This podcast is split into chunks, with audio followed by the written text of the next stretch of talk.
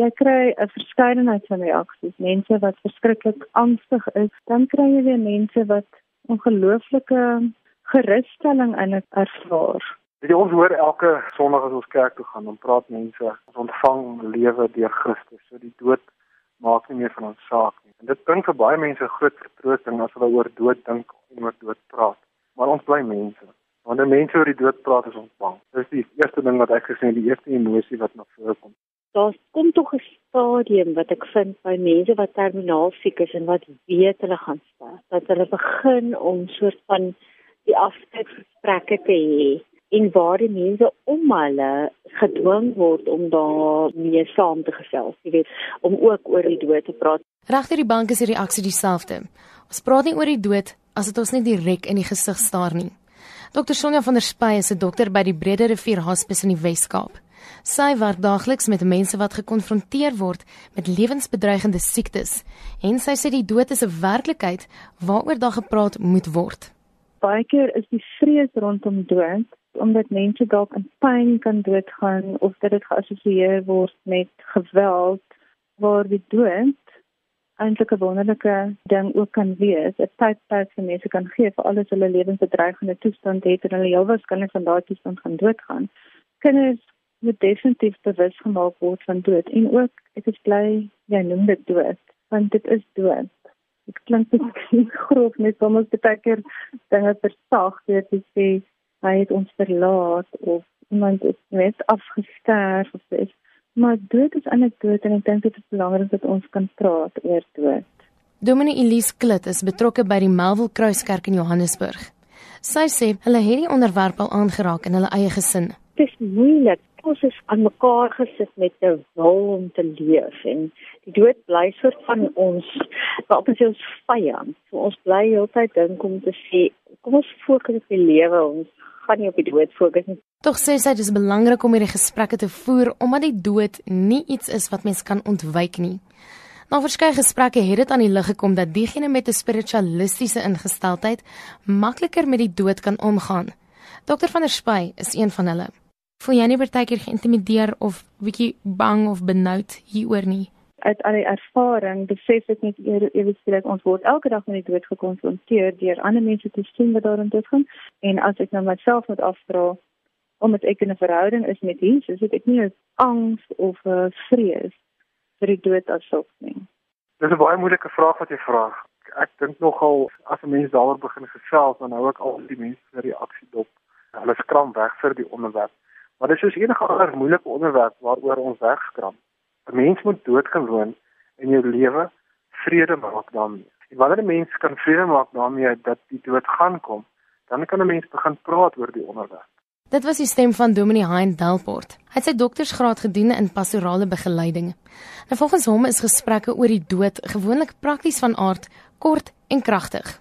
Hy sê daar moet juis oor die dood gepraat word om vrees met 'n mate van vertroue te vervang Vader Shane, net soos kinders op skool leer hoe om te lees, te skryf en wiskunde te doen, hulle ook geleer moet word dat dood deel is van almal se lewens. Om iets weg te steek, gaan nie werk nie. Weet jy, dit is soos my kind, ek het daar nou die dag na die pediater toe gevat. Ek sê vir my dogtertjie, kyk hierdie kant toe, dan sien jy nie die inspuit nie. Weet jy wat die pediater gedoen het vir my gesê, laat sy kyk. Want as hy nie kyk nie, is die vrees groter. En dis presies so in ons lewe ook en ons in een of ander uh, spirituele of geestelike bewustheid is ons bewus daarvan dat dat die dood bestaan en dis 'n werklikheid. En om ons gesig weg te draai van die dood af, om weg te kyk daarvan, gaan nie gaan nie probleme oplos nie. Dit gaan ook nie die vrees vir die dood weg. Die eienaar van Theodore Heights vir bejaardes in Kreersdorp, Ria Bason, sê hulle sien verskeie gevalle waar klein of agterkleinkinders van hul oumas of oupas weerhou word of nie saamgeneem word na begrafnisse toe nie. Ons sien nou byvoorbeeld is van die kleinkinders hier kom kuier Hulle weet nie hoe moet hulle die situasies hanteer nie. Hulle is half bang om met die oumas te gesels. Hulle weet nie hoe moet hulle as iemand 'n bietjie siek is dit hanteer nie. Baie keer tree die dood in by papi of mammy of 'n oupa of 'n ouma en dan weet die kinders nie hoe om dit te hanteer nie. Sy stel voor dat ouers eerder met hulle kinders praat oor wat besig is om af te speel sê kyk 'n mens word ouer en ouma is nou siek. So moenie skrik as jy ouma sien nie, dis deel van oud word. Sy sê wanneer een van hulle bejaardes doodgaan, word die onderwerp uiteindelik op 'n een of ander manier aangeroer onder hulle bejaarde inwoners. Die eerste wat hulle vir ons sal sê, ons is verlos en ander kere dan is hulle baie stil. Tot die volgende dag as die enetjie nou begin praat, dan sal almal begin en ietsie sê. En dan sal ook van hulle sê wat nou al ouer is, ons wonder wie's die volgende. En my een oumatjie wat 96 is, het elke dag vir my gesê Ria kan die Jesus my nie maar kom haal nie. Ek is nie meer iets werd op die aarde nie. So daar is van hulle wat uitsien daarna om te gaan en ander wat afbangerig is. Hulle praat nie baie daaroor nie. Uit haar ondervinding is dit veral mans wat swaar trek wanneer dit by die dood kom. Ons kry dit dat as hulle hier kom en ouma lê op sterwe dat die man staan buite. Hulle wil nie teenwoordig wees nie. Dit is of 'n man half wegskram van dit af. Elise Klit sê gesprekke rondom die dood, veral met iemand wat sterwend is, hoef nie 'n plek van vrees te wees nie. Daar's een groep mense wat glad nie daaroor wil praat en dan is daar 'n groep wat eintlik wens ander mense wil met hulle daaroor praat. Maar ek dink tog, daar's 'n leksheid aan om met mekaar daaroor te praat. Ek sou sê as jy na aan iemand is en jy weet dat die persoon is terminaal siek, is dit goed om vir mekaar te sê ons besef ons tyd raak min. Kom ons praat oor die dinge wat saak maak. Kom ons ons sê vir mekaar dit wat op ons harte is. Volgens Mason, so jy's 'n behoefte daaraan dat daar oor die dood gepraat word. Daar's soveel mense daar buite wat dink die lewe gaan net vir ewig aangaan en mense wat nie dink oor wat gaan gebeur as my mamma iets oorkom of wanneer jy gekonfronteer word met die dood nie. So ek hoop en vertrou regtig dat dit vir baie mense miskien bietjie sal laat stil staan en dink. Dit was Ria Bason, die eienaar van Theodore Heights vir bejaardes in Krugersdorp aan die Gautengse Wesrand. Ek is Marlene Forsie vir SAK nuus. En ons bly by die gesprek by my in die ateljee is 'n pastorale terapeut wat spesialiseer in die rouproses en die verwerking van die dood, Bram Klopper. Hy is ook die outeur van 'n reeks opgeneemde gesprekke oor hoe om die dood van 'n geliefde te verwerk. Baie welkom by Monitor Bram. Dankie Anita. Wat is jou ervaring oor die algemeen? Praat mense maklik oor die dood? Nee, glad nie maklik nie en hulle het allerlei maniere om daarby verby te kom. Ehm um, ek dink 'n praktiese voorbeeld sou wees waar uh, mense bejaarde kry wat baie keer met hulle kinders wil praat oor hulle dood, oor of hulle veras wil word of nie. Kry baie keer 'n tipiese reaksie waar eh, 'n uh, dogter byvoorbeeld van ma sê: "Ag, mammy, ons gaan nie nou oor sulke goed praat nie. Mammy gaan ons almal nog oorleef." Mm. En daarmee is die onderwerp van die tafel af. En uh, die tweede wat ons doen is om dan in metaf uh, in met eufemismes oor die dood te praat. Uh, iemand gaan weg. Iemand gaan weg, 'n baie gewilde een is. Ons sê ook vir mekaar, "Mamy is nou in die hospitaal." As die ergste sou gebeur, dan uh jy weet, soos gebruik nie daai woord nie en selfs um, in hospitale kan dit nogal 'n uh, bietjie uh, interessante misverstande afgee. Ek weet van 'n dokter wat vir 'n man uh, gesê het, "Ek is jammer, ons het jou pa verloor." Toe sê wat? Hoe hoe verloor jy 'n pasiënt in 'n hospitaal? Is hy nie net by ekstrale nie? of 'n suster wat ook vir 'n seun gesê het jou mamma is huis toe. Hy sê sy was gister in ICU. Hoe kan sy huis toe wees? Wie dalk kom? nou ja, sien nie Anita in my ervaring praat ons nie maklik en en gemaklik oor die dood nie. Wat van die sterwendes self? Wat is hulle behoeftes? En as daar sterwendes is wat na monitor luister vanoggend, laat asseblief van jou hoor. Wat wil jy hê? Wat wil sterwendes hê? Wil hulle oor hulle eie dood praat of wil hulle dit vermy? Anita, ek, dit sal wonderlik wees as sterwendes inskakel in in of mm, SMS stuur absoluut. en self praat. Ek kan nie namens hulle praat nie, maar met so 30 Maar in jou ervaring. In 30 jaar ervaring sê hulle vir my dat ehm um, as as die mense hulle kom besoek het hulle eintlik 'n geweldige behoefte om te praat oor die dood, maar die mense gee hulle nie 'n oomblik nie. Hulle wil altyd die dood wegpraat. Hulle wil altyd vir hulle moed inpraat. Ehm um, nou ek verstaan iets van wat daar agter sit. Ek dink mense is bang as jy met iemand wat terminaal siek is oor die dood praat, gaan hy dalk dink jy weet iets wat hy nie weet nie of jy het moed opgegee en jy dink hulle gaan sterwe.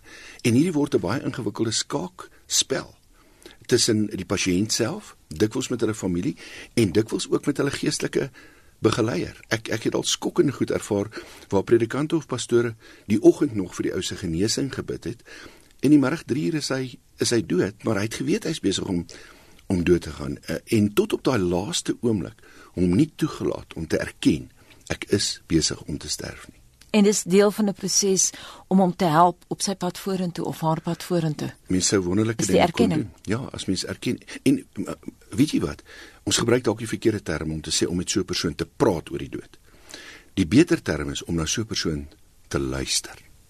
Baie keer vra mense vir my, "Wat sê jy vir iemand wat besig is om te sterf?" Of wat sê jy vir iemand wat nou net 'n kind aan die dood afgestaan het? Ek sê, "Ek praat nie, ek luister op daai stadium na hulle." Ehm um, daar lê die groter behoefte dat ons na hulle sal luister. En waaroor praat hulle? Ehm um, baie keer oor die mooi dinge wat hulle waardeer, wat daar was. Baie keer oor die regrets, ek wens ek het meer. Ehm um, ek sou nog graag dit en dan by baie ehm um, en dit bring of rustigheid of onrustigheid hulle geliefdes wat agterbly. Baie keer die oomblik as hulle vrede gemaak het dat hulle self gaan sterf, verskuif die fokus na maar sal my kinders oukei okay wees? Sal my vrou okay wees?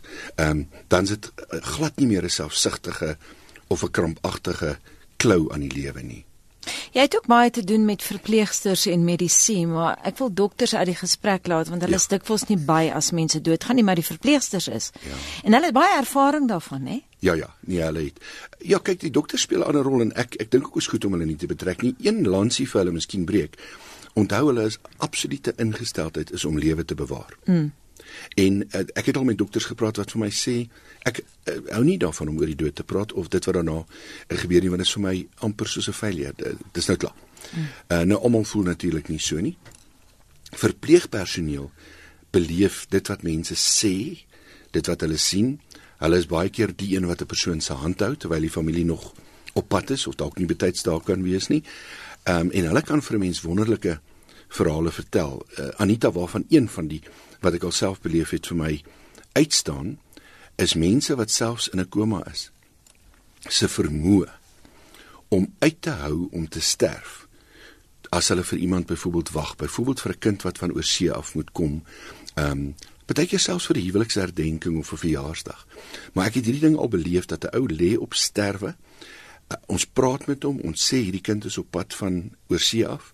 Daai vliegtyg land daai dogter stap in daai kamer in 30 minute dood.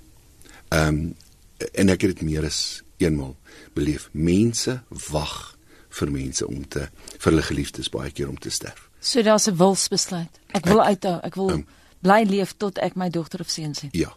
As daar so groot bakenis hou hulle regtig regtig uit.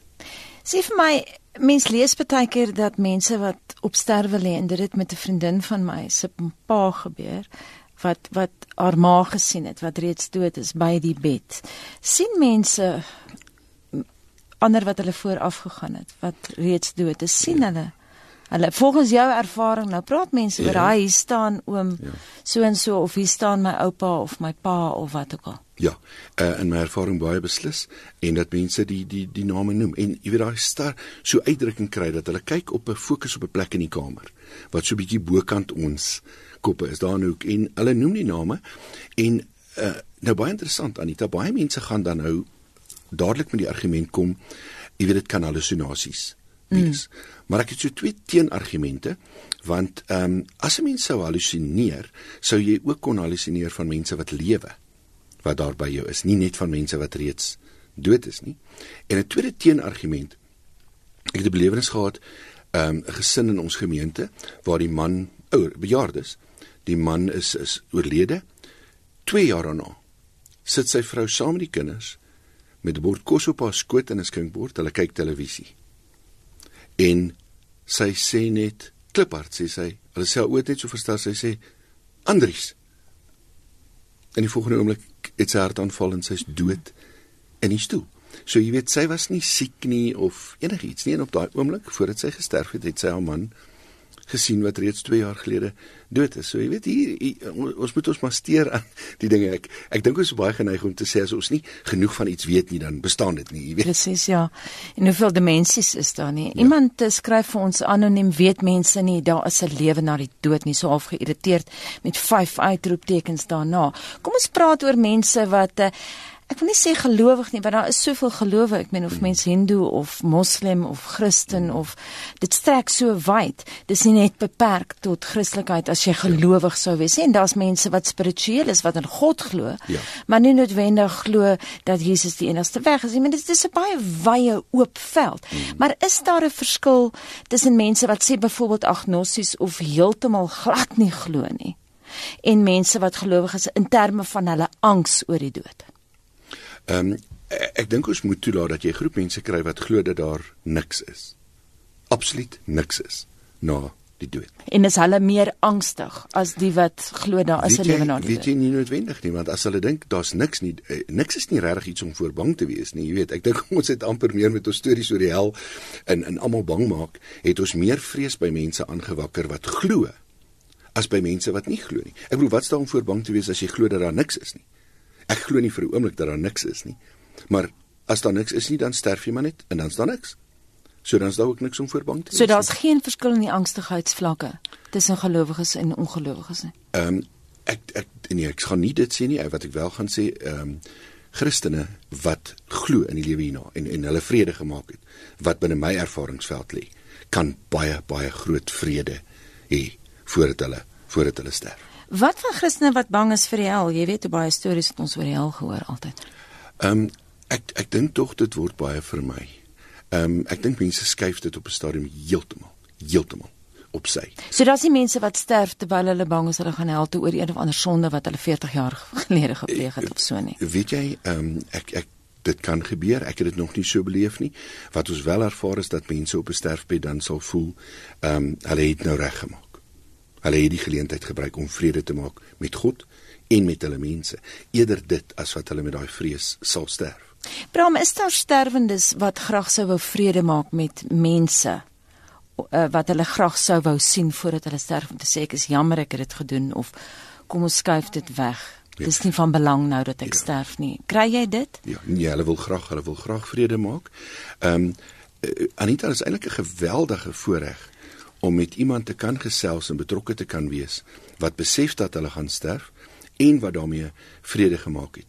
En ja, hulle sal graag dan daai vrede verder wil uitbrei. Ehm um, onthou hulle is dan op heeltemal 'n nuwe punt in hulle lewe, né? En daar's heeltemal nuwe dinge wat belangrik is en dinge wat in die normale gang van die lewe belangrik is, val nou heeltemal heeltemal weg. Kom ek gebruik 'n voorbeeld. Ehm um, ek ek vat 'n baba wat gebore is. Sy behoeftes is absoluut minimaal. Daai baba wil warm wees, pynloos, gevoed en liefde ervaar. En dan groei ons en dan gaan ons behoeftes word al hoe meer, jy weet tot karre en ringe en elke ding. En aan die einde van 'n mens se lewe dan neem dit weer heeltemal af. Weer minder goed hê. En dat jy presies dieselfde behoeftes as 'n klein babietjie, jy wil pynloos wees. Jy wil gevoed wees. Jy wil warm wees en jy wil liefde ervaar. Bram, een laaste vraag. Het jy dalk raad vir iemand wat nou na die program luister en bang is om te sterf, wat dalk besig is om te sterf? Wat is jou raad? Ehm um, eerlikheid en dat hulle iemand moet kry met wie hulle kan praat. Natuurlik twee moontlikhede. Die een is die mense naaste aan hulle.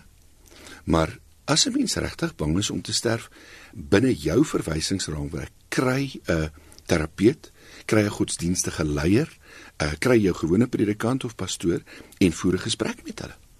Gee vir ons 'n uh, telefoon of 'n kontaknommer waar mense wat met jou wil praat, jou kan bereik asseblief Bram. Uh die maklikste gaan wees my webwerf. Uh daardeur kan hulle per e-pos dan met my kommunikeer. Die, uh, die webwerf het natuurlik baie inligting ook oor hulpmiddels vir mense in die rouproses en dit is doeteenvoudig www klein lettertjies Bram Klopper met 'n B R A M klopper.co.za. Daar verskyn ook 'n uh, selfoonnommer waarmee hulle dan in kontak kan kom. En die klopper is sonder 'n S. sonder 'n S. Baie dankie dit aan die pastorale terapeut wat spesialiseer in die rouproses en die verwerking van die dood, Bram Klopper.